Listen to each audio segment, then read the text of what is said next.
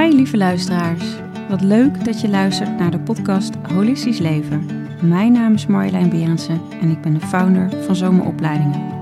In deze podcast neem ik je samen met inspirerende experts mee in de wereld van holistisch leven. dat de hele maatschappij overprikkeld is. Want we leven in een omgeving die gewoon niet heel gezond is voor ons. En dat brein en dat zenuwstelsel reageert heel gezond in die ongezonde leefomgeving. Hoi, welkom bij weer een nieuwe podcast van Holistisch Leven. En ik zit vandaag met Charlotte Labé.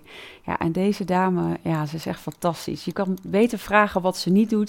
Ze heeft haar eigen opleidingsinstituut, Your Brain Balance, eh, de eigen vitaminelijn, waarin ze jou helemaal meeneemt om in balans te brengen. Je ziet hier dit prachtige boek, wat al uh, tig weken op nummer 1 staat, het Overprikkeld Brein. Um, maar ook nog een supermooie stichting waarbij ze met onderwijs ondersteunt. Retreats wat ze verzorgt, theatershows. Nou, je kan eigenlijk niet meer om haar heen. En super dankbaar, lieve Charlotte, dat jij in deze podcast aanwezig bent. Ja, thanks voor de invite. Ja, Jeetje, als je dat zo opnoemt, dan denk ik, wauw. ja wauw, toch? Ja, dat is echt zo, zo fantastisch. Ook hoe jij nou ja, mensen meeneemt ook eh, eh, op reis om echt ook die, ja, die, die, die gezonde versie te worden weer van jezelf. En eh, nou ja, dat is waar holistisch leven ook natuurlijk over gaat. Want wat is holistisch leven voor jou? Oh, I love it. Ja, Laten we daarmee beginnen. ja. Holistisch leven is een connectie met jezelf hebben. Ehm, begrijpen dat het niet alleen over het brein of alleen over het hart of alleen over die verstuikte enkel gaat wanneer je een probleem hebt. Maar dat we heel zijn. We zijn compleet. We zijn eh, één als mens. En als we dus holistisch gaan leven, dan leven we eigenlijk naar ja, de energie die we nodig hebben als mens om gelukkig en gezond te kunnen zijn. ja. En hebben we geen externe factoren nodig om intern gelukkig te kunnen zijn. En dat is denk ik het belangrijkste van holistisch leven voor mij. ja, ja, Je interne processen. ja. Ja, want dat is ook waar onder andere dit boek over gaat, hè? Ja, absoluut. Processen. Ja, Ja, vertel, als je de lezer meeneemt of de, de, de kijker meeneemt, wat, wat maakt dat je dat boek ging schrijven zo en, en wat mag de lezer daaruit ja, verwachten? ja het, het schrijven van het boek startte eigenlijk bij ja, hoeveel mensen zijn er overprikkeld. Ja, En als we hem dan net even wat verder trekken dan alleen maar een overprikkeld brein, want zo heet het boek, ja, eh, kijk ik voornamelijk vanuit het overprikkelde zenuwstelsel. Want het Mhm. zenuwstelsel, en aan top staat dan eh, het brein als Ja. dirigent. Maar dat zenuwstelsel vertelt ons zo onwijs veel. En dat, dat lees je allemaal in dat boek, maar het gaat van eh, holistisch leven tot energie, tot spiritualiteit, tot voeding, tot beweging, tot een stuk neurowetenschappen. Eigenlijk alles om het complete plaatje te krijgen van hoe kan het dat er nu tegenwoordig zoveel mensen last hebben van ja, overprikkeling. ja, En dan heb ik het niet over overprikkeling met bijvoorbeeld NAH, hè, want daar heb je ook een Ja. vorm van overprikkeling. Maar ik trek hem echt breed dat de hele maatschappij overprikkeld is. Want we leven in een omgeving die gewoon niet heel gezond is voor ons. nee, En dat brein en dat zenuwstelsel reageert heel gezond in die ongezonde leefomgeving. Dus we doen het eigenlijk fantastisch. Maar we zeggen, ja, het gaat niet goed met de gezondheid. zeg ik, nou, het gaat heel goed. ja, Want dat lichaam en het brein geeft aan dat het dus eh, even anders moet. ja, ja, ja. Het is eigenlijk juist een signaal waarin je mag Ja. zoeken wat je wel nodig hebt. Ja, Ja. klachten zijn er nooit tegen je, maar zijn er voor je, zeg ik altijd. En wanneer je daarop kunt gaan schakelen naar de oorzaak, kijkt waarom heb ik nu die klachten? Waarom loop ik vast? Waarom heb ik depressieve gevoelens? Waarom heb ik al maanden last van chronische vermoeidheid of last van mijn rug of last van mijn nek? Er zit iets in voor je waarom het er is. Ja, ja. En als we eh, inzoomen in het spirituele niveau, ben even heel nieuwsgierig, waar, waar, waar, waar mag ik aan denken? Nou, kijk, spiritualiteit is, eh, bestaat al miljoenen jaren. Nou, dat hoef ik jou en jouw luisteraars niet uit te leggen. Want als er ergens een doelgroep zit, eh, zijn dat jouw volgers en de luisteraars van jouw podcast. Die begrijpen dat spiritualiteit heel veel voor ons kan betekenen als mens. Het mooie is dat spiritualiteit op dit moment, de afgelopen jaren, eh, heel erg onderzocht is door de neurowetenschappen. Eh, Lisa Miller, een vrouwelijke neurowetenschapper, is twintig jaar geleden begonnen met onderzoek te doen van hé, hey, maar als een mens spiritueel is, hoe gaat het dan met de ontwikkeling en de kansen op bijvoorbeeld depressie of op neurodegeneratieve aandoeningen? Die kans die is dus bijna niet heel. Wauw, dus kan het dan zo zijn dat spiritualiteit veel sterker is dan antidepressiva? Ja, concludeert zij dus in heel veel onderzoeken. Nou, en ik vind het zo mooi dat toen zij begon met deze onderzoeken, werd zij eigenlijk door de neurowetenschappers om haar heen eh, bijna op de brandstapel gegooid. Hmm. Van ja, spiritualiteit is ver van onze wetenschappelijke wereld en daar past er helemaal niet in. Nou, toch heeft zij doorgezet en na twintig jaar heeft ze dus zoveel mooie bewijzen dat ze ook zegt, mijn hele onderzoeksteam, die waren flabbergasted van, wauw, nee, maar dit kan er bijna niet uitkomen. Het is dus zo krachtig en het zit in ons, want we worden er allemaal mee geboren. Het is niks zweverigs, maar het wordt zweverig wanneer het niet tastbaar is en we kunnen het niet vastpakken en we hebben er geen ja, grafiekjes bij. Dan wordt het heel erg in de, in, ja, de Ja. westerse wereld waarin wij leven Ja. als zweverig bestempeld. Want, want wat, wat verstaat zij onder spiritualiteit? Dus ook als de luisteraars horen, hebben daar een bepaald beeld bij. Maar hoe, hoe is dat in het onderzoek meegenomen? Wat valt daaronder? Nou, wat zij zegt is spiritualiteit is, eh, hangt niet aan een religie. Het mag, het kan. Als dat voor jou zo is, dan is dat prima. Maar het is niet eh religieafhankelijk bijvoorbeeld. Nou, dat vind ik al een hele mooie. Want heel vaak wordt spiritualiteit met een bepaalde religie samengehangen. Eh, en dat is dus per definitie niet zo. Je hoeft niet religieus te zijn om wel spiritueel te kunnen zijn. Eigenlijk is spiritualiteit, hoe zij het ook omschrijft, in het hier en nu aanwezig zijn en dan vooral met jezelf. Ja. Dus in je goede energielevels te Ja. zitten, in dat lichaam te voelen, hey, ik voel nu eigenlijk ergens een soort van weerstand. Wat heb ik nodig? Ja. Wat heb ik op dit moment nu nodig van mezelf? Ja. Niet van die buitenwereld. Want we leven in die enorm massive world waar er heel veel van ons gevraagd wordt en dat brein best wel, nou, in, in schaarste en tekortkomingen denkt. Ja, en, en in dat onderzoek laat ze ook heel duidelijk zien, zie je de kleine dingen? Ja. Zie je de kleine signalen, synchroniteiten ook wel genoemd. ja. Wat komt er op je pad? Het is niet voor niks dat dat er is. Dus er is ja, veel meer ja. eh, dan het tastbare en het rationele, Ja. waar we eh, grotendeels toch nog wel mee leven hier in Nederland. Ja, mooi. Heel mooi. Nou, en ook mooi dat, dat, dat dat zo duidelijk omschreven is en dat het onderzoek, dat, eh, ja, dat is gewoon baanbrekend. Dus dat kunnen we ook hier verder in vinden. Absoluut. Ja, Hey, en ehm, nou ja, het overprikkeld brein, je zei al echt super mooi van nou ja, klachten zijn er eigenlijk ook als signaal om nou, iets te veranderen in je leven, ook misschien iets te veranderen in, in hoe je er zelf ehm, tegenover staat. Nou, je hebt natuurlijk ontzettend veel, ook wat je doet, is echt fantastisch. Hoe ga jij om met een overprikkeld brein? Ik kan me voorstellen dat ja, zoveel dingen vragen jouw aandacht. Er is zoveel wat je te geven hebt. Dus echt een enorme lichtwerker, even als ik het zo mag vertalen. Maar hoe ga je daar zelf mee om? Voorkomen dat je een overprikkeld brein krijgt. Ja. Eh, ik heb ooit een heel heftig overprikkeld brein gehad. Burn-out, verlammingsverschijnselen, bijna in een rolstoel terechtgekomen. En ehm, als je daar eenmaal bent geweest en je gaat daarna echt werken op... Maar wat gebeurde er nu? Wauw, ik negeerde dus zes jaar lang al die signalen. Ja, Als ik nu maar één signaal krijg, is het bij mij meteen... Oh, wacht heel even. Mijn lichaam die heeft me wat te vertellen. ja, Ik ga er op een andere manier mee om. Ja.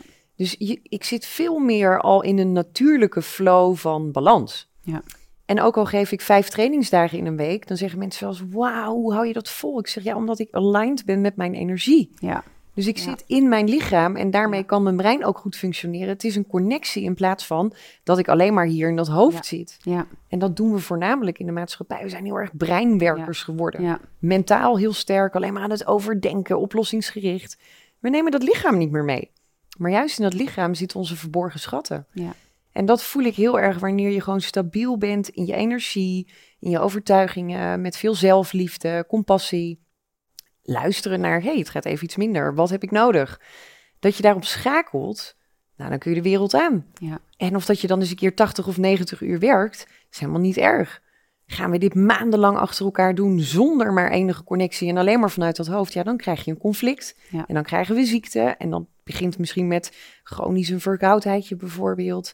Rugklachten. Oh, dan gaan we heel even naar de fysio of naar de Ja. masseur. Ja. Die lost het wel op. ja, Maar daar zit je oplossing niet. nee. Want het is een signaal van doe het eens anders. ja, ja.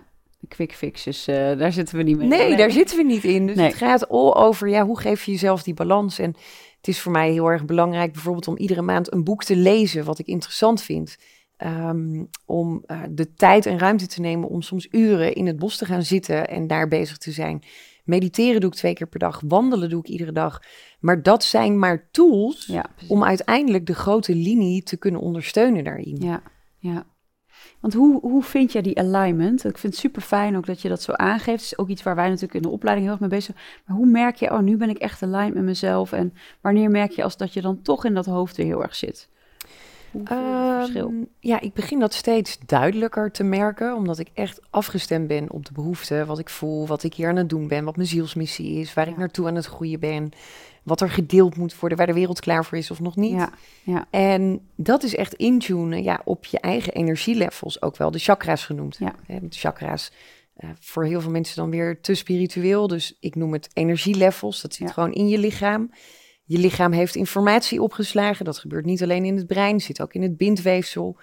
Ja, ik luister naar dat lichaam en ik voel meteen al, als er een kleine verschuiving is naar een kant die voor mij niet dienend is, denk ik, oh wauw, ik voel dit direct. ja, ja, Bijvoorbeeld als ik uit een heerlijke meditatie kom en mijn telefoon gaat erna en ik neem op, dan voel ik ploef, ik ben weg. ja, ja, ja, Dus Ja. dan ga je schakelen tussen het, het diepe onderbewuste en in één keer naar het bewuste.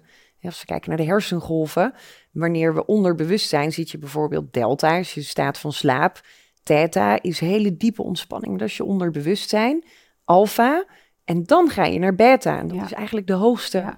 hersengolf, maar dan zijn we alleen maar extern gericht. ja, ja, Dus wanneer ik bezig ben met, oh, wat vindt diegene ervan? Of, oh, eh, ik verplaats dat. Of, oh, dit. Dan merk ik, ik ben extern gericht. En dan raak ik de connectie met mijn lichaam ook Ga kwijt. je weer uit. eh, Dan ga ik eruit. Ja, ja. Dan zit ik alleen maar in dat hoofd. Ja, ja. Ah, mooi ook om mee te krijgen. Ook voor mensen thuis die ja, denken, oh ja, hoe zit dat dan precies? Weet je, dit is zo fijn ook met jouw bedding. Het, het is zo gegrond, het komt zo vanuit de wetenschap en het is zo die verbinding met alles bij elkaar. En dat, ja, dat is ook heel, ja, eigenlijk bijna tastbaar maken van alles. Ja, en ik denk dat dat ook ehm, een, een van mijn missies op aarde is. Is de oeroude wijsheid, de oeroude geneeskunde die er is. eh, de connectie met jezelf herstellen, met de natuur, met de mensen om je heen. En op een ander vlak gaan kijken, dus je perceptie gaan openen. Ja, dat dat ook is wat ik hier mag doen op aarde, om het zo maar te zeggen. En, Ja. en daarom ja, de boeken geschreven en de trainingen, de theatertour, noem het maar op.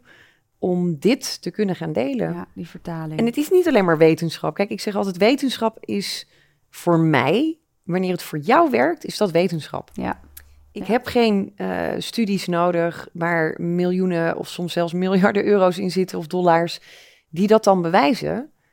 Als het voor jou werkt, daar gaat het om. ja, Dan hebben we toch geen papiertjes nodig? nee, nee, supermooi. Ja, dus ga oefenen wat werkt voor mij, wat heb ik nodig als mens. Dat is voor jou iets anders dan dat het voor mij is. Ehm, en dat maakt het holistisch, dat maakt het compleet. Ja, dat maakt het ook echt compleet. En wat ik ook heel fijn vind om terug te horen, weet je, je, je bent dus ook benaderbaar baar voor heel veel doelgroepen. We waren inderdaad al even aan het voorspreken, hè, van je voor echt van jong eh, meisje van 13 tot eh, weet ik veel, een man van 85, als ik het goed heb onthouden. Ja. Van alles komt.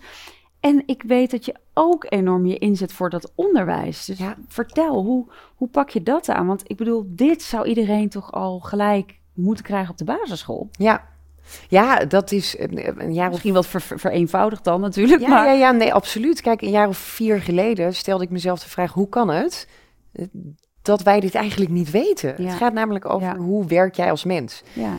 Superleuk, hè? Geschiedenis en aardrijkskunde en eh, dat je wiskunde krijgt. Allemaal hartstikke leuk. Ik zeg ook niet dat we dat moeten veranderen. Maar het zou toch wel erg fijn zijn als we een beetje meer kennis krijgen over hoe werkt dat systeem. Ja, Ik geloof namelijk dat we daarmee 80, 90 procent van de disbalans, de kwalen, fysiek en mentaal, kunnen gaan voorkomen. Ja. En ik ben meer van ja, preventief voorkomen dan genezen. ja, En tuurlijk, we kunnen ook bijna alles genezen wat er, wat er ontstaat. Maar why? Waarom? Het is niet nodig. ja, En ja, dat, dat start op school. Dat start bij de leerkrachten. Wat we nu zien is dat 37% van de leerkrachten in het basisonderwijs eh, zit of al thuis of staat op omvallen met een burn-out. Dat is enorm hoog. zo. Daar moeten onze kinderen heen. Ik heb zelf ook een zoontje van 6,5 Sky. Dan denk ik, oké, maar als de leerkracht voor de klas leeg is, Ja, hoe kun je mijn kind dan op de juiste manier vullen? ja, ja, En wij hebben ook als slogan, je kunt niet uit een kopje drinken wat half leeg is. ja, Je wil hem gevuld hebben. En pas wanneer jij als leerkracht volledig, volwaard, eh, lekker in je vel zit, dan geef je dat, want het is energie wat je deelt. ja, ja, En dan vinden we het heel erg raar dat als leerkrachten met een halve burn-out voor de klas staan, of gewoon geen zelfliefde hebben, dat we dat de kinderen niet kunnen leren. ja, ja. Ja, Totale mismatch. ja. Dus het programma wat we hebben eh, eigenlijk naar Nederland hebben gehaald, is een Amerikaans programma. eh, door Yale en Berkeley professoren helemaal eh, ja, echt ook ja, onderbouwd met wetenschap. Wat doet meditatie? Wat doet community? Hoe kun je om de ander geven en om jezelf? Maar cijfer jezelf vooral niet weg voor de ander. Mhm. Want dat is wat we allemaal geleerd hebben. Eerst een ander dan jezelf. Ja.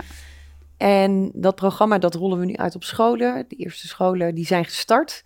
Ja, dat is onwijs gaaf om te doen. school waar Lou eh, bij zit, toch? Ja, of niet? Ja, waar ze ons- dat ja, toch? is, eh, Is is een van Ja. onze hoofdtrainers. Ja, Ja, echt Ja. zo blij dat Ja, zij is meedoet. Fantastisch. Ja, dus we hebben nu acht, zeg ik dat goed? Acht vrijwilligers die werken. Die zitten ook in het bestuur. En ja, eh, dit moet gewoon naar alle scholen toe. Ja, ja, dat zou, is zo belangrijk. En Ja, kunnen onderwijzers hier ook misschien bij aanmelden? Of heb je daar een tip over? Stel dat Zeker. Ik, ik heb best wel wat in de community zitten die in het onderwijs zitten, waar ja, nou als je naar Stichting Brain Balance gaat, dan vind je eigenlijk alle informatie. Dus maak dan je schoolhoofd eh, hier heel erg warm voor. En eh, ja, stuur een e-mail. En dan kunnen we in principe ja, om de tafel kunnen we alles uitleggen. mooi. En dan hopelijk snel starten. Ja, Want dat, we moeten gewoon in de actiemodus. ja, En niet ja. te lang eh, erover kletsen, maar gewoon verandering. Want dat Ja. is nodig nu. Ja, ja, ik merk het ook. Maya, die is nu 11, maar zit in groep 8. Maar ik merk ook wel als ze soms thuis komt, dat ik merk van... hé, maar hoe is het eigenlijk met de juf die, die, die dan ook bijvoorbeeld overprikkeld is? Kan ze ook niks aan doen. Maar ik merk wel dat mijn dochter daar ook weer last van heeft. Hoe er op Tuurlijk. haar gereageerd wordt. Of Ja, Weet je, dat is allemaal zo... Ja, het is zo belangrijk dat als die leerkrachten ook in balans zijn... en dat juist kunnen, kunnen meenemen, meegeven. ja. Ja, ja, je geeft letterlijk wat er in jou zit, hè? Ja. Als leerkracht, maar dat doen we allemaal. Dus ook als moeder, als vader zijnde, als werknemer, als werkgever. We geven wat er in ons zit en is die energie heel erg leeg of eh, negatief geladen in de zin van negatieve self-talk. Ik ben niet goed genoeg, ik ben niet knap, ik ben niet leuk, ik ben niet grappig, Ja. ik ben niet slim. ja, dan geven we dat over op de ander. Want dat heeft ook met die spiegelneuronen te maken. hè. Dus we nemen op wat een ander vindt en denkt. ja, Eh, en zo bouwen we dus een nieuwe community. Een, een, ja, de nieuwe generaties. ja. Ja, dat is niet oké. Nee, dat is echt niet oké. Nee, nee, is het ook niet. Ja, echt, we, alleen over het onderwijs kunnen we al uren praten. Ja. Maar ik, ik was ook even benieuwd naar jouw eh, theatershow, want die, eh, die geef je natuurlijk ook. En waar ga je daarin op in? Want eh, nou ja, rondom februari, maart of zo zijn er weer nieuwe data, hè? Ja, ja, we hebben de tour gehad in november en december. Dat was zo'n enorm groot succes. Het was binnen een aantal weken helemaal uitverkocht. Dus eh, we hebben besloten om eh, nog 15 nieuwe data en locaties eraan toe te voegen, waarvan er een hoop ook alweer uitverkocht is, of al bijna uitverkocht is. Dus dat gaat heel snel. Ehm, daar ga ik het vooral hebben over ons brein eh, in combinatie met energie, de keuzes die we maken, wat gebeurt er in je lichaam, dus wat slaan we eigenlijk in het lichaam op en wanneer we daar iedere keer een, een laagje zand overheen leggen, ja, dan zal dat toch de voedingsbodem blijven zijn van de gedachten, de dingen die we doen, de keuzes die we maken. Dus daar gaat die show heel erg over. En uiteindelijk, ja, is het de bedoeling dat je na die anderhalf à twee uur niet meer gevangen zit in je brein. Hmm. Dus we willen je echt uit die mentale gevangenis halen, ook met een aantal activiteiten en oefeningen. En ja, bewustwording is, eh, is key daarin. Ja, want is er iets in deze podcast waarvan je zegt: hé, hey, ik zou hierin ook iets kunnen vertellen om, om de luisteraars ook wel wat meer uit die mentale gevangenis te halen? Ehm, nou, het start allemaal bij bewustzijn. Eh, want als we denken dat het allemaal normaal is zoals we doen en zoals we leven, ja, dan gaat er ook niks veranderen. Op het moment dat jij nu vandaag de keuze maakt, ik wil iets anders, dan verandert er al iets. Dus dan shift er al iets. Dus het start bij, kies jij ervoor?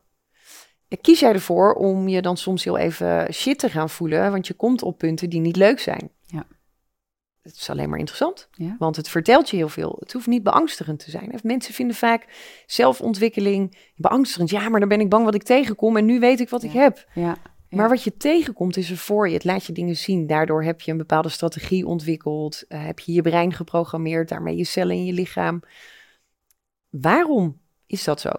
Oh, dat was een overlevingsmechanisme. Maar is dat dan nu nog van toepassing? Nee, oh interessant, dat was toen. Ja, ja. Oh, laten we eens zacht kijken naar dat proces. En wanneer er dan compassie en zelfliefde, een stukje vergeving inkomt. Oh, ik vergeef mezelf dat ik dit nu 20 jaar heb meegedragen.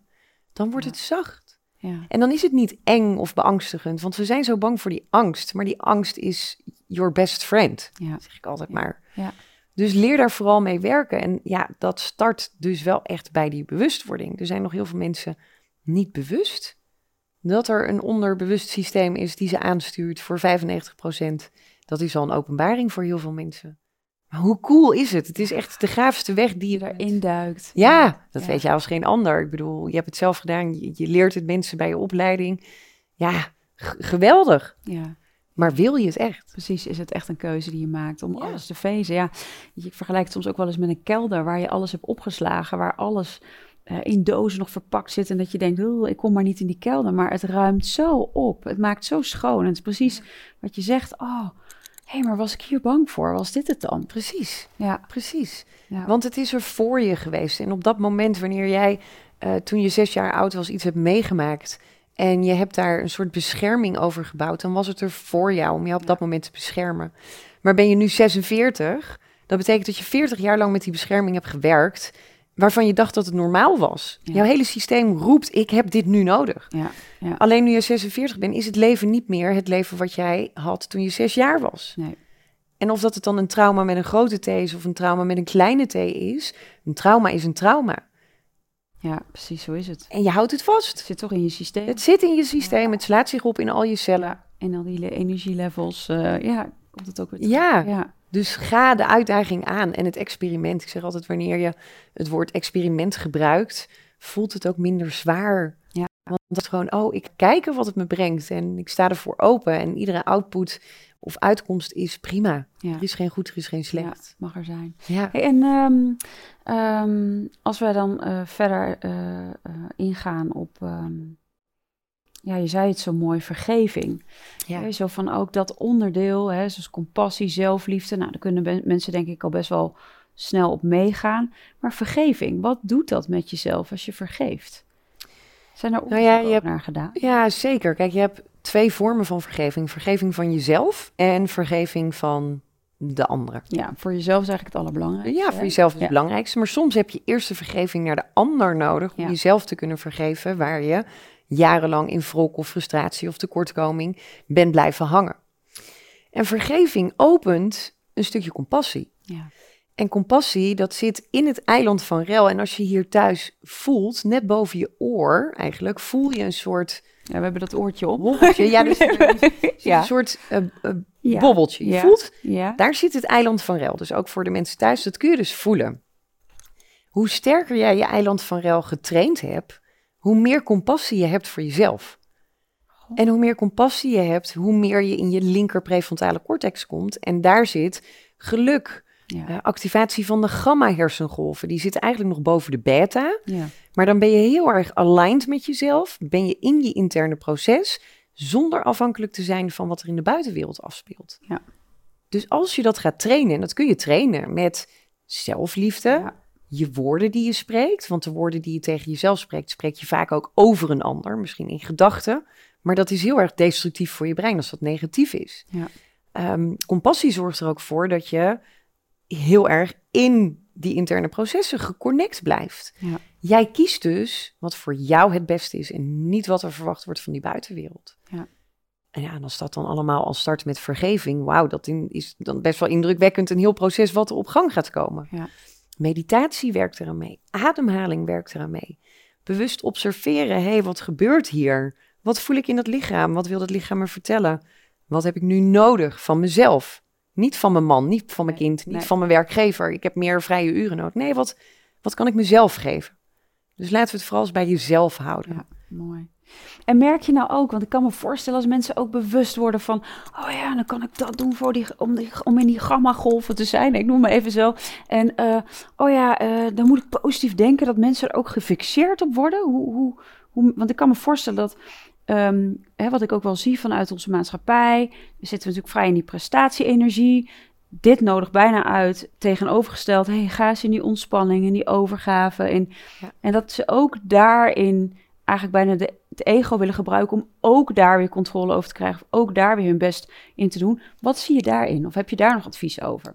Nou, wat ik vooral zie, en jij noemt inderdaad heel mooi de prestatiemaatschappij. Dat brein is geprogrammeerd op meer, meer, meer, Ja, meer, meer. Resultaat. Ja, het moet nu. En als Ja. ik dan niet vandaag positief denk, dan heeft Charlotte gezegd, dan, eh, dan veroorzaakt dat bepaalde neurotransmitters en neuropeptiden. en, uh, ja, ja, juist. Dus wetende, wat zit er in die programmering van mijn systeem? En ga ik nu niet in overdrive om dus Ja. ja. iets te gaan bereiken, wat weer mentaal bedacht is? Juist, juist. Daar zit het juist. heel erg in. Dat is wat, ja. En ja, dat is soms een uitdaging, want dat brein maakt dopamine aan bijvoorbeeld. Een neurotransmitter die zorgt voor even dat geluksmoment, een hunkering naar meer creëert en bijna verslavend gaat werken. ja. En dan kunnen we ook best wel eens in een frustratiemodel terechtkomen als we dan vier keer gemediteerd hebben en we hebben de verlichting nog niet gevonden. Want ja, eh, hallo, Resultaat. Ja. Ik ben niet of mee bezig. ik weet ja. niet, ik heb hier nu al een uur aan eh, Ja. eh, besteed. Ja. Laatst zei iemand eh, tijdens de opleiding, dan krijg je van mij ook verschillende meditaties waar je aan gaat werken. Toen zei ze, ja, ik vind het allemaal hartstikke leuk. Maar als ik dus 40 minuten per dag daarmee bezig moet zijn, ja, ik vind het echt zonde van mijn tijd. Ik zeg, oké, ja, dan is mijn vraag, hoe belangrijk vind je jezelf? Ja. Ja. En dan ben je er waarschijnlijk nog niet klaar voor om jezelf belangrijk te maken. Ja. Ja. Dus ja, waar, waar, waar start het dan? Ik, ik ben hier al 6,5 jaar iedere dag mee bezig. En Ja. ik ontdek nog steeds. En ik zeg altijd tot mijn honderdste, want ik denk dat ik honderd word. Ja. Blijf- Leer ja. en ontwikkeling. Ja. Want Ja. dat is het. Werken met je brein, werken met je lichaam, werken op een holistische manier via een holistisch leven. Dat is niet, we doen even een dieetje van twee weken en dan zijn we er. Nee. Je gaat het leven. Ja. En tuurlijk, wanneer je heel veel practiced, dan ga je het integreren en dan wordt het langzaam je onderbewustzijn. Ja. En dan kost het je niet meer je energie en dan hoef je er rationeel niet meer over na te denken. Ja, dus ook mensen die misschien in het begin in die overdrijf komen, om juist het heel goed te doen, die komen op een gegeven moment op het niveau van, eh, nou ja, on, onbewust bekwaam, van hé, hey, het, het, het, het- ja, dat floot wel, ik heb mijn weg Ja. gevonden. Ja, ja, of je komt in een frustratie Ja, en je hebt en nog niet het resultaat. Ja, ja. Eh, want dan heb je ergens gelezen, wow, toen ik mediteerde, nou, toen kreeg ik allemaal eh, informatie door en eh, Ja. mijn relatie veranderde. Mijn man werd in één keer een stuk liever. of nou, eh, mijn vrouw die werd dezelfde kerel. Precies. En dan zitten ze thuis en denken ze, nou, ik heb nog steeds die vervelende puber. En eh, die vent die zit nog steeds te chagrijnen op de bank. Mijn leven is nog helemaal niks veranderd. ja. Dus er is ook geen één tool die jou morgen die quick Nee. fix geeft, dat jouw hele leven in één keer fabulous en leuk is. Ja, nee, maar dat is gewoon ook even mooi om dat realistische ook weer ernaast te houden. Ja. ja en ook weer, weet je, eh daar straks wat je ook al zoiets iets, iets zei in de trant van, die, vertaal hem even anders, maar hey, het leven is voor je, niet tegen je. En ga Ja. vooral kijken en onderzoeken, wat zit daar weer onder, of wat wil gezien worden, of hey, waar, waar komt dit dan weer vandaan? En ja, daarin zeg je eigenlijk ook van, hey, zet jezelf echt op nummer één. Ben je het waard om die 40 minuten, een uur, twee uur, weet ik veel wat, per dag aan jezelf te besteden? Precies. Ja. Ja, nou, inmiddels zijn wij erachter gekomen hoe eh, belangrijk dat is. Ja, dat weten we. Ja, dat absoluut. is mooi. Ja. Hey, een eh, klein intermezzo. Wij gaan eh, een kaartje, of jij mag een kaartje trekken. Daar staat ook weer een vraag op. Oké, leuk. Dus ehm, Eentje, hè? eentje. Oké, ik vind dit altijd hartstikke leuk. Dus mijn brein denkt, één. Eentje maar. Welke trekjes laat je niet snel aan anderen zien? Oeh, welke trekjes laat je niet snel aan anderen zien? Hmm, ik kan ongeduldig zijn in de zin van dat mijn brein en lichaam soms sneller gaan dan de mensen om mij heen. Dan denk ik, ja, kom op, go forward. Ja. Eh, en dat is niet zozeer het presteren, maar meer dan mijn groei, eh, waarin ik denk, ja, hallo, dit snapt toch wel iedereen. Ja, ja. Ja. En daar kan ik wel eens me ook eenzaam in voelen. heb ik een periode gehad, gaat nu wel weer beter, gelukkig. Maar dat ik dacht, wat doe ik hier nu eigenlijk op aarde? Ze snappen het toch niet wat ik hier aan het doen ben. Ja, En, Ja, en dat zijn ik. dingen, ja, dat je dan... En dan zeg ik, ik zei wel eens tegen mijn man van... Ja, maar ik voel me eenzaam. Hij zegt, ja, maar hoezo dan? Je hebt allemaal vrienden en je hebt een heel leuk eh, bedrijf... en je doet allemaal toffe dingen en je hebt mij en we hebben Sky en alles. Ja, maar dus, dat is het niet. nee. Het zit op een ander niveau. ja, ja, En dat is dan wel eens dat ik me soort van eh, anders voel dan het wereldse of zo waarin we zitten. ja. Ja, en eh, komt dat dan samen met een trekje? Ja, wel eens met dan eh, geïrriteerd zijn of verdrietig of eenzaam. eh, dat dat dan wel eens er kan zijn. ja. Nou, mooi. Ja. En dat stuk ook ja, voor mij heel herkenbaar, natuurlijk. Ja, ja, dat denk ik is ook. wel echt een mooie spiegel. Dus, Ja. Ja, wil je er nog intrekken? Want je, eigenlijk wil jouw brein er nog wel. ah, ja inderdaad. Ja, ik vind het hartstikke leuk. Ik hou een beetje van de verrassingen. Ja, leuk. Wat is de mooiste les die je in je leven geleerd hebt? Oeh, eentje. Ehm, ja, de mooiste. Alles zit in mij. Hmm. Ik, ik heb alles, ik heb niks nodig van buiten. En alles zit in me. En, en dat mag nog meer de wereld in. En ja. Ja, want wanneer heb je dit ontdekt? En het is natuurlijk elke dag verdiept dat ja, ja, nog wel dat- meer. Zeker. Maar was er een moment dat je denkt, oh, dat was het kwartje wat viel? Bam. Ja, ik denk anderhalf jaar geleden dat dat echt zo klunk, dat ik hem hoorde vallen in zo'n diepe put. Dat ik dacht, oh wauw, Ja. er is weer een shift. Ja. En ik blijf wel shift hoor, want er zijn nog heel veel shifts die, eh, die, die ik mag maken. Maar dat ik dacht, ik heb niks nodig van buiten, dat vond ik wel heel fijn. En wat was er anderhalf jaar geleden? Wil je daar wat over zeggen? Ehm, nou, niet specifiek één Iets, iets of zo. Nee, Nee. Het, het is meer je proces. Ehm, echt wel met de spiritualiteit heel erg aan de slag gegaan. En met, ja, er is veel meer om ons heen dan alleen maar het rationele wat we hier leren op, op aarde. En dat is iets wat gaandeweg natuurlijk een soort van proces is. Ik bedoel, ik ben 6,5 jaar geleden begonnen met mediteren. En zat ik ook in de frustratiemodus. En zie je, het werkt helemaal niet. En wat een bullshit. En eh, leuk dat Harvard er wat over schrijft. Of dat er boeken over geschreven worden. Uiteindelijk ook zelf boeken over Ja. geschreven. dus het is een proces. En dan krijg je op een gegeven moment eh, even een piek. En dan, daar is een shift, een verandering. En dat gaat weer. En dan krijg je weer. Dus ja, het zijn een soort van gifts of zo die je dan krijgt. Ja. En waardoor er weer een stukje opent. En dat je denkt, wauw. Ja, net zoals vanmorgen vroeg. Ik liep door het bos. Het was half acht, zeven uur, half acht. En toen dacht ik, wauw, ik ben zo intens gelukkig. En toen dacht ik, dit is zo cool. Toen heb ik gewoon, ben ik dansend door het bos gegaan. Oh, Dus ik zei ook tegen man, ik zeg, ik heb gewoon gedanst in het bos. Toen zei hij ook, wauw, Ja, echt cool. heel super, ja. Omdat het dan zo voelt als, en dan ben ik zo dankbaar. En dan kijk je naar die bomen en dan denk ik, wauw, jullie zijn zo cool allemaal. Ja, dat. En Ja. dan denk ik ook, als mensen mij zien, dan denken ze waarschijnlijk, die vrouw is geschrift. Ja. Ja, en dat voelt Ja. gewoon heerlijk, gewoon lekker geschrift voor Ja. degenen die het niet snappen. En heerlijk met gelijkgestemden die het delen. Ja, precies. Dus dat, ehm, ja, dat is de mooiste les. En, en, en, en dat is voor iedereen die dit hoort, luistert, ziet, dit is er in iedereen. Ja. Ik, ik ben en jij bent daarin geen uitzondering. Alleen laten we het hoekje openen waarin het zit. ja. En soms zit dat wat dieper verstopt en hebben we wat deurtjes nodig waar we misschien wat minder leuke dingen of leuke dingen tegenkomen. Het, het leven is niet alleen maar met leuke dingen die ons uiteindelijk brengen op een pad wat, wat zingeving genoemd wordt of een zielsmissie of waar je je connectie met jezelf vindt. Juist de, de KUT-dingen, ja. die zijn zo fantastisch. En ik weet als je er middenin zit, ik heb het ook allemaal meegemaakt. Van baarmoederhalskanker tot niet zwanger kunnen worden, tot een bedrijf wat failliet is, een huis wat je kwijt, noem het maar op. Maar als je realiseert, het is er. ja. Ja, dan dat. Dat. Ja, Oh, mooi. Mooi ook en fijn, dank je wel dat je ook even nou ja, iets vanuit jouw kelder, iets vanuit die donkerte laat zien daarin. Waar mensen ook, weet je, want dat merk ik ook wel eens, dat mensen jou, weet je, die denken, wow, super succesvol, staat al zoveel weken op één. Ja, die heeft makkelijk praten, want die heeft, maar beseffen niet dat daar ook weer een heel verhaal achter zit van, hè, wat je ja vertelt. eh, tuurlijk. Ja, baarmoederhalskanker, eh, eh, eh, ja, inderdaad, ja, niet zwanger kunnen worden in eerste instantie, Ja. faillissement, dat is niet niks.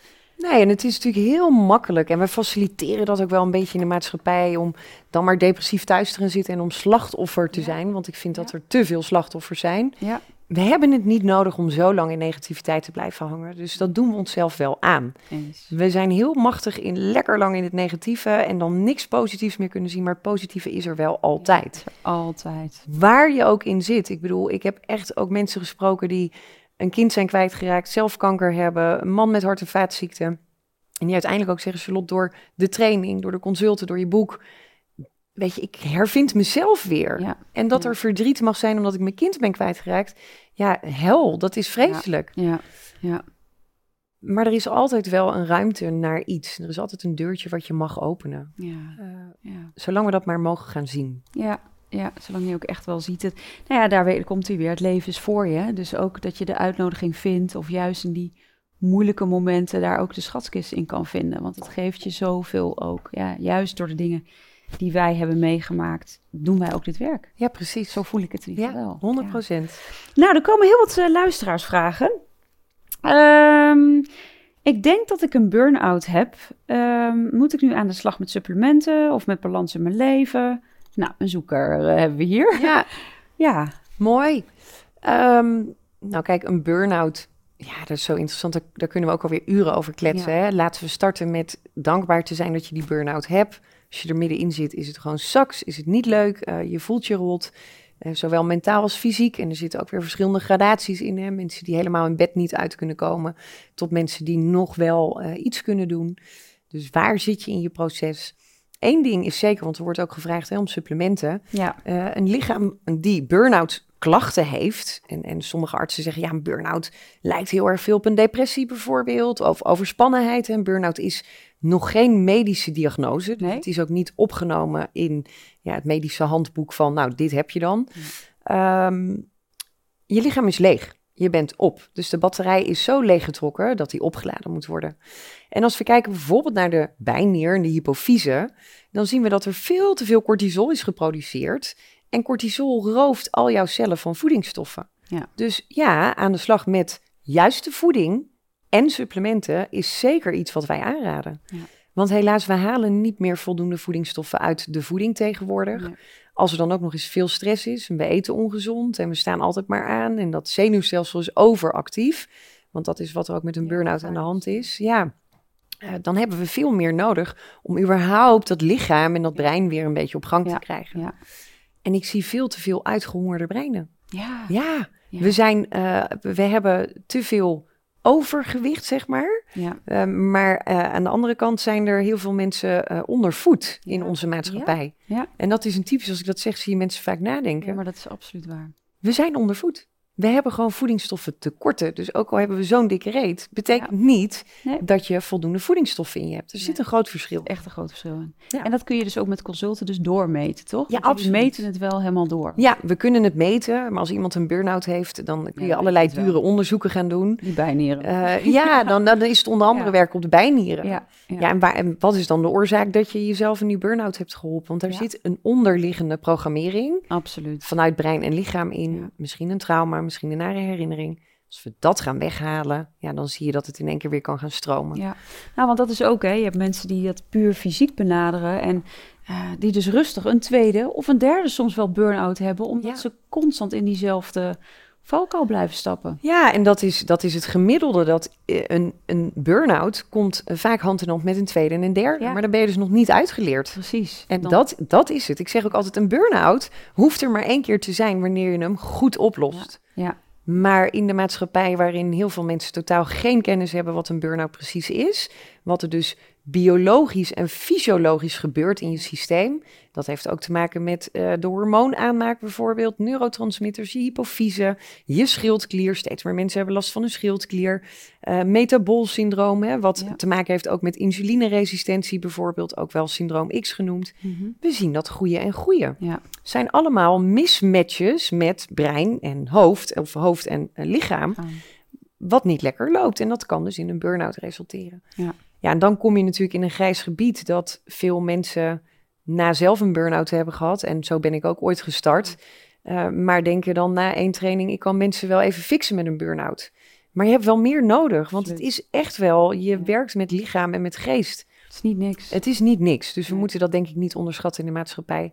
En helaas zie ik gewoon te veel huisartsen, maar ook arbeidsartsen die gewoon niet eens weten wat een, eh, een burn-out precies is. Maar ook wel vrij snel mensen die ehm, bij de huisarts zeggen: Ik heb die en die klachten. Oh, dan zal je wel een burn-out hebben. Ook dat. En dan heel snel eigenlijk iemand. Ja, Ja, nou we zijn heel erg van de labeltjes juist, plakken. En ik van heb een daar labeltje. in het boek dus een heel stuk over geschreven over Ja. labelmaatschappij. Samen met dokter Marcia Goddard, zij is neurowetenschap, ik werk veel met haar samen. Ja, En ze zegt ook, ja, het is heel fijn om te horen van je hebt ADHD of je hebt autisme of je bent hoogsensitief. Hè, dat is vooral jouw speelveld. Maar een label gaat je niet altijd helpen, want het brein denkt dan, oh, maar dit is wat ik heb. Eh, en je komt thuis en die zegt, ja, maar ik eh, ben HSP, dus ja, Ja. nee, dat is te veel. En ik ga ook niet naar die verjaardag in, want ik heb dat labeltje. Ja. Terwijl als we hem los zouden trekken en we zeggen, oké, er is misschien iets, je krijgt die symptomen, die signalen. Wat kun je gaan doen om dat Juist. te gaan balansen? ja, Hebben we die stempel niet nodig, Nee. maar wordt het ook het placebo-effect, wat we Ja. noemen? En zie je dat mensen veel minder klachten krijgen. En zo heb ik ook het boek ingestoken. Dus Oh, echt? mooi. Ja, ik wil hem echt lezen. Ja, ja, ja. ja. Ja, Ja, maar dat is het ook, weet je, om dat dus echt ook daarvan te kijken, ook vanuit die, uit die slachtofferrol, ook gewoon echt graag gewoon in je kracht staan met wat Ja. er ook is. ja, En of je het nou HSP noemt, of je nou, maakt niet uit. precies. Ik heb ooit het label ADHD gekregen. Ehm, en ik weet nog wel dat mijn moeder een keer tegen mijn zus zei... joh, weet je, de- laat Lot maar even, want er zit gewoon een steekje naar los. En dat hoorde ik en toen dacht ik... dacht je, oh, oh, ik heb ADHD en er zit een steekje in me los, dus ik ben anders. ja, Dus Ja. ik ging me ook anders gedragen. Dat ik dacht, oh, nou, als ik niet meekom in de les op school... ja, maar ik, heb, ADHD. Ja, En dat- dus dat doe je- je achter een label. Onderbewust doe je dat. Dat doet ieder mens. Ja. Dus pas op met labeltjes geven. Ja. Pas alsjeblieft op met te snel te zeggen... oh, maar je hebt een burn-out. Precies, daar zit hij, eh, dat is het inderdaad. Ja. Ja, mooi. Eh, hoe weet ik nu welke hormonen mijn onrust veroorzaken? Oh, jeetje, ja. Kijk, eh, we zijn als mens een hormonale fabriek. Machtig interessant. Dat brein, dat ja, loopt volledig op hormonen en neurotransmitters. Sommige hormonen zijn neurotransmitters, maar niet alle hormonen zijn dat en andersom. En om echt te gaan kijken van, ja, wat eh, verstoort dan jouw hormonale fabriek? Ja, daar hebben we veel meer informatie voor nodig. Ja. Dus je werkt dan met intakes, je werkt met vragenlijsten. Waar heb je last van? Wat zijn de klachten? En we zien heel veel hormoonverstoringen. Eigenlijk bijna ieder mens is wel Ja. verstoord in hormonen. Ja. Man en vrouw. Want vaak als we zeggen hormonen, denken we, oh, dat is een vrouwending. Is niet, nee. Maar mannen hebben ook hormonen, want anders zouden ze niet kunnen leven. Je hart heeft hormonen nodig, je brein, je buik, alles. Ja. Dus ja, als iemand heel neerslachtig is bijvoorbeeld en eh, bijna geen geluksmomenten kan voelen, dan zou je al naar een aantal vragen kunnen stellen van oké, serotonine aanmaak Ja. is lager. Dat is een belangrijke gelukshormoontje, neurotransmitter. Ehm, pubers bijvoorbeeld, als er mensen zijn die pubers hebben, ja, die hebben een lagere aanmaak van dopamine. Dat is het bewegingshormoon. Dat, dat is gewoon in de adolescentie, wordt dat minder aangemaakt door het lichaam. Daarom hangen ze zoveel op die bank. Ja, Ja, en wij vinden dat heel Ja. irritant. Want ja, hallo. Maar nee, het is een biochemisch proces. Dus je hebt wel wat meer informatie nodig. Nou, wij doen bijvoorbeeld ook hormoontesten. Dus we hebben ook een hormoontherapeut. En die kijkt dan van, hé, hey, we zien dus een verlaging in dit en dat hormoon. Hé, maar dat resulteert erin dat jij dus mentale klachten krijgt. Ja.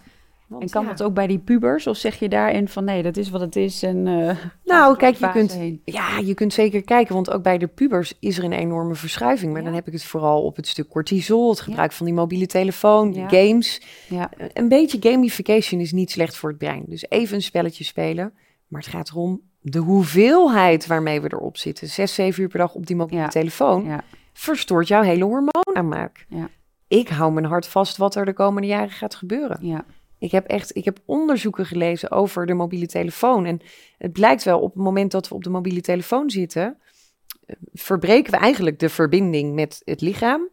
En intern kunnen we geen geluksgevoel meer. Dus we voelen ons niet meer heel en compleet. ja. Waardoor je steeds meer behoefte krijgt om externe te gaan invullen. Ja, dan denk je, ik moet langer, ik moet meer op die mobiele Nog telefoon, meer. ik moet meer likes, ik moet nog meer e-mails, ik moet ja. deadlines, ik moet geconnect met die vrienden. En je raakt jezelf totaal kwijt. Ja, ja, dat zien we wel bij die pubers. ja. En dat is uit- heftig, want wij zien echt bij ons in de praktijk al 12, 13-jarigen die met burn-outs komen. En dan denk ik, ja, die burn-out is dus niet meer de 40 plus Nee, disbalans. It's all over. 13, 14. Heftig, hè? Oh, dat vind ik wel heel heftig. Ja. Dat is wel heel jong. Wat er genetisch gebeurt, is dat de nieuwere, jongere generaties, dus als we kijken naar de babytjes, zo'n 30 jaar geleden, 30, 40 jaar geleden, was zo'n 10% van de baby's werd geboren met een overprikkeld zenuwstelsel. Dus dat was al overgegeven vanuit early life stress Mhm. van vader en moeder, omgeving, op de baby. Dus die baby had dus al, waar ik over schrijf, dat overprikkeld brein. Mhm. Op dit moment is dat 40%. Zo. Dus bijna de helft van de newborns zijn al in een activatiemodus van ik moet aanstaan, ik moet... Zo. Dat is heel heftig. Ja, dat is heel dus- heftig, ja. En dat wordt ook alleen maar, gaat het waarschijnlijk ook alleen maar toenemen. wordt erger. Je gaat steeds meer ongelukkige kinderen zien. En je gaat Ja. steeds meer kinderen zien die overprikkeld zijn. En die zoeken dan de, die, die Nintendo en die mobiele telefoon en televisie. Om dat systeem te voeden. Want we schreeuwen eigenlijk om aandacht. Maar het is een andere vorm van aandacht die nodig is. Ja. Dus start ook wanneer je jonge kinderen hebt. Start met ademhaling, meditatie, dankbaarheid. Ehm, hoe jonger ze het leren, hoe Ja. sneller ze het kunnen inpassen en Ja. invoegen. Ja, ja, want dat, dan zijn ze juist nog heel veerkrachtig. Heel, ze en- nemen alles over. Ik zeg wel eens. Sky is helemaal gebrainwood. Ja. Grootste project eh, ever. Ik ben natuurlijk heel benieuwd eh, hoe hij op zijn 35ste in deze Ja. wereld staat. Ja, Maar die zegt ook, oh mam, eh, vanmorgen ik was op school, ik heb een tent gebouwd. En toen zei ik eventjes tegen mijn vrienden, gaan jullie er even uit?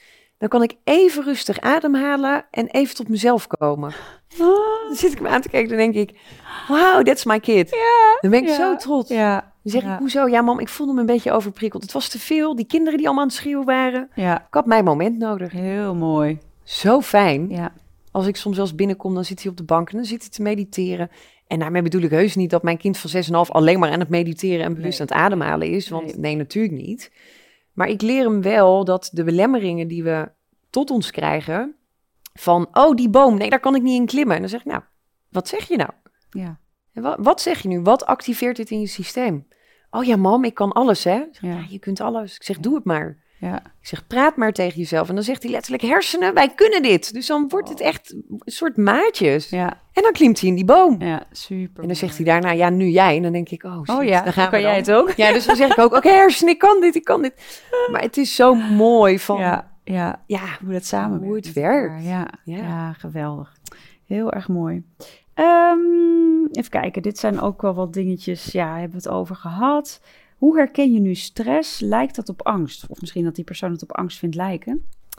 nou, ik denk dat het hand in hand gaat. Mhm. Als we kijken naar eh, een chronische stressactivatie, hè, want je hebt natuurlijk het verschil tussen kortstondige of kortdurende stress, ehm, die even jou alert maakt en daarna is het weer weg. Vooral als we het hebben over chronische stress, langdurig aanwezig, activeert dat centrale zenuwstelsel en zie je dat die amygdala, dat is het angstcentrum in ons brein, die reguleert ook een stuk emotie. Dus eigenlijk raakt die amygdala raakt van slag. Er komt een grotere activiteit in, dus hij is alerter, waakzamer en dat creëert dus angst. Ja. Dus angst, als er angst is, is er altijd daarvoor eh, een langere periode van stress geweest. Ja. Het kan namelijk niet, het gaat niet zonder. We hebben een cortisol- en adrenalineproductie nodig, wat Ja. vanuit het stresssysteem. Dus het sympathische zenuwstelsel gaat dan aan. En we komen te weinig in het parasympathische zenuwstelsel. Ja, Ja. Mooi. Ehm, dit vind ik ook wel grappig. Voor mijn gevoel heb ik geen tijd om me in dit onderwerp verder te verdiepen. Door snelle stappen. ja. ja die quick fix. Ja, snelle stappen is Ja. antidepressiva. Ja, Ehm raad ik je niet aan, Nee, overigens. ik wou zeggen. liever, eh, liever eh, de andere wegen. Ja, wat maakt het dat je je zo druk voelt? Wat maakt het dat je jezelf eigenlijk hierin niet belangrijk maakt? Ja. En ik begrijp het, want in het leven is er zoveel te doen en zijn er zoveel mooie dingen. Maar stel je nu eens voor dat je alle tijd en ruimte zou hebben, nog steeds kunt doen wat je doet. Want blijkbaar is dat heel belangrijk voor je. Maar het wel in balans en in flow en in positiviteit kan doen en in gezondheid. Ja. Wat zou het je opleveren? Ja. Dus stel jezelf de vraag, als dat zo is, nou, ik denk dat er dan wel ruimte komt dat je denkt, oh, dan is het misschien toch wel interessant om dat boek te lezen of om vaker die boswandeling te maken. Start bij kleine dingen. Ja. En maak jezelf belangrijk. Geef jezelf wat zelfliefde, want je bent het waard. Ja. ja. Mooi. We gaan een oefening doen. Ja, leuk. Ja, ik eh, mocht er eentje delen. hè? Ja. Graag. Nou, ik vind het wel leuk ehm, aan de hand van dit gesprek ook waar we het over hebben gehad. hè. Het zenuwstelsel is voorbij gekomen. We hebben het gehad over te veel in dat hoofd, te weinig in het lichaam. Eh, en vooral luisteren naar wat is je behoefte nu echt. Dat we daarop een oefening gaan inzetten. Mhm. Ik wil zo meteen starten met een ademhalingsoefening. Ja. Die eigenlijk binnen 30 seconden tot een minuut dat centrale zenuwstelsel kalmeert. Hij heeft namelijk invloed op de nervus vagus, deze ademhaling. We gaan zo meteen twee keer door de neus inademen en dan door de mond uit. Ik ga met jou doen. Mhm. Ehm, daarna gaan we, wil ik jullie thuis ook vragen om vijf minuten te gaan lummelen. Niks doen. Lummelen is echt mijn favoriete woord. Ja. En dan te gaan observeren, wat doet dit in mij? Want je krijgt allerlei informatie door, onrust misschien. Wat een onzin, hoezo moet ik nu vijf minuten niks doen?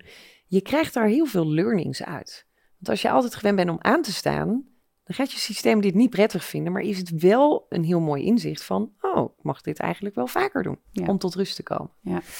En daarna gaan we opschrijven, wat heb ik nu echt nodig van mezelf? Ja. Dus we gaan hem doen.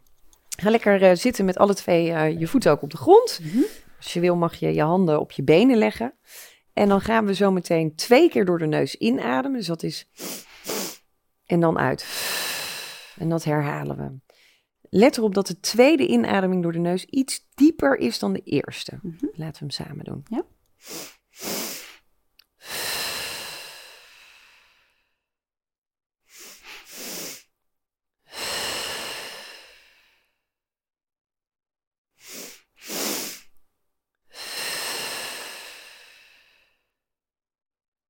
Ja. En ik denk dat je al merkt dat, wauw, je komt weer in dat lichaam. Die longen die vergroten zich weer. Stress mag naar beneden. We zeggen eigenlijk tegen dat parasympathische zenuwstelsel, hé, hey, het is veilig, er is rust. Ja. En dan nu vijf minuten gaan zitten en observeren wat gaat er door je heen. Ehm, dat mag je dus thuis gaan doen. En daarna mag je opschrijven, wat heb ik van mezelf op dit moment nodig? En dan ga je schrijven. En je onderbewustzijn vertelt je wat je nodig hebt. Daar hebben we het brein niet bij nodig. Mooi. Lummelen. Vijf minuten lekker even niks doen. Niks doen voor je uitstaren. Ga naar buiten zitten kijken. En observeer intern wat er gebeurt in het lichaam. En eigenlijk bij deze, nou wat ben je er dan mee bezig? 10, misschien 12 minuutjes. Dan kom je echt tot de kern. Je gaat vanuit dat hoofd het lichaam in. Een tool die je makkelijk iedere dag kunt inzetten. Je kunt je dag ermee starten of mee eindigen. En het levert je zoveel inzichten op. Ja. Ja. Het werkt. Mooi. Mooie oefening. Gaan we straks ook lekker doen. Even lekker lummelen. Even lekker Het lummelen. is niet echt vaak een woord voor lummelen, toch? Eh, Niks, niks, nutten, maar dat, ja. is, dat is zo beladen. Ja, ja, dan voel ik me niks. precies. Ni- niks nutten Ja. is gauw eh, niks, ja, niks inderdaad. Lummelen. Lummelen vind ik wel mooi, eh, Ja, mooi klinken. ja. Zijn er nog dingen die jij, want we gaan het natuurlijk ook nog zo hebben over een, een tip voor de luisteraars. Maar je zegt, hey, dat hebben we nog niet besproken in de podcast. Dat wil ik nog wel graag delen of meegeven aan mensen, even los van een tip. Maar iets waar je nog zegt van, nou, daar wil ik nog aandacht aan besteden. Dat is nog niet voorbij geweest. Poeh, nou, er is nog zoveel waar, wat we kunnen bespreken. Eh, ik zeg altijd, ik kan wel twintig dagen hierover kletsen. Ja, absoluut. en ik, ik, ja, en, Ja. ik denk, want dit kaartje die ik trok, hè, die, die is er niet voor niks. Dus niet voor niks dat mijn brein zei, oh, ik wil eigenlijk dan nog een tweede kaart. En dat je krijgt, wat is de mooiste les die je in je leven hebt geleerd? En dat dat echt de boodschap is van, het zit in je, open het alleen. En dat is geen spiriwiri, dat is geen hocus pocus. Ehm, hoe cool is het dat je eigenlijk niks nodig hebt behalve jezelf? Ja, Want daar gaat het om. ja. Dus laten we eens minder nodig hebben van die externe wereld. Laten we eens niet alleen op vakantie dat gelukzalige gevoel hebben. Want heel veel mensen hoppen van de ene vakantie naar de andere. En ik ben dol op vakantie, ik ben dol op reizen. Maar ik heb het niet nodig om gelukkig te zijn. Nee, precies. Nee, mensen leven soms wel echt naar die vakantie toe. Ja, want dan heb ik een moment ja. van ontspanning. Ja. Nee, die is er iedere dag. Ja, Creëer het alleen voor jezelf. ja. Ja, mooi. Wil je nog iets laatste, iets, iets meegeven? Nog een laatste tip? We gaan afronden. Ehm, nou, om dit te kunnen, hebben we zelfliefde nodig. En die zelfliefde, dat is het activeren van je hart. En je hart heeft ook een energielevel, een energiecenter. Er zitten ook neuronen omheen, dus hersencellen. Dus het hart communiceert met het brein. Ja, als wij de hele dag negatief denken, negatieve zelftolk hebben, ja, dan gaat dat hart alleen maar energie naar buiten uitzenden van negativiteit. En dat is wat je aantrekt. Ja. Dan is er geen ruimte voor zelfliefde. Ja. En laatst vroeg iemand, ja, hoe lang duurt het dan voordat ik zelfliefde heb? Ja, eh, hoe, dat is, Ja. ik kan niet zeggen dat duurt bij jou drie weken en bij jou drie maanden. Nee. De- dus hè, de- dat, nee, maar het fluctueert ook met wat je meemaakt. Hoe je, hoe je met die situatie omgaat. tuurlijk. Ja. Ja, en, en wat is er gevuld in de waarheden van jouw cellen? Hoe, Ja. hoe ben je opgebouwd als mens? Ja. Ja. als daar in basis al geen zelfliefde in zit, omdat je ouders dat niet hadden, ja, dan kan het een wat langere reis zijn dan wanneer ergens zit het wel, maar het is alleen de openen van dat doosje of die deur. Dus even weer die sluier eraf halen. Ja. Mooi. En heb je nog daar een tip voor rondom zelfliefde, wat mensen kunnen doen? Het horen. Ja, nou ja, dat, dat gaat echt over de hart-breinverbinding. En daar Ja. heb ik ook echt wel in het boek ook echt oefeningen voor. Oh, dus daar werken we ook met Mooi. een tien weken stappenplan. Ja. En er zitten een aantal oefeningen om dat hart in coherentie, want hoe coherenter je bent, hoe gezonder je bent, om hem daarin te versterken. Dus ik zou zeggen, ga daar echt mee aan de slag. ademhalen door je hart heen. Maak die connectie met het hart. En is misschien wel de moeilijkste reis die wij in het leven moeten maken, naar het hart toe gaan. Ja, Dus vanuit het hoofd naar het hart in het lichaam. ja. Mooi. Dankjewel. Graag gedaan. Lang niet uitgepraat. Nee, echt, hè? eh, Ontzettend dankjewel ook voor hier. Nou, luisteraars, laat ook even weten wat je van deze podcast eh, vond met Charlotte. En eh, nou ja, ik zou zeggen, start ook lekker hier een, eh, een reis in. Er is zoveel te ontdekken wat nog niet eh, besproken is. Maar dank je, dank je, dank je. Absoluut. Dankjewel. Dankjewel voor het luisteren naar de podcast Holistisch Leven. Holistisch Leven is een prachtige ontdekkingsreis. We reiken je graag de tools en kennis aan om je in deze reis te begeleiden. Ben jij door deze podcast geïnspireerd om de volgende stap richting een holistisch leven te zetten? Kijk dan op onze website www.zoma-opleidingen.nl voor meer informatie over de cursussen en opleidingen die we aanbieden. Je kunt je daar ook inschrijven voor onze nieuwsbrief. En vind je deze podcast leuk? Volg ons dan via je favoriete podcast-app of abonneer je op ons YouTube-kanaal. Zo verspreiden wij samen meer licht, liefde en bewustwording. En maken we de wereld een stukje mooier. Tot volgende week!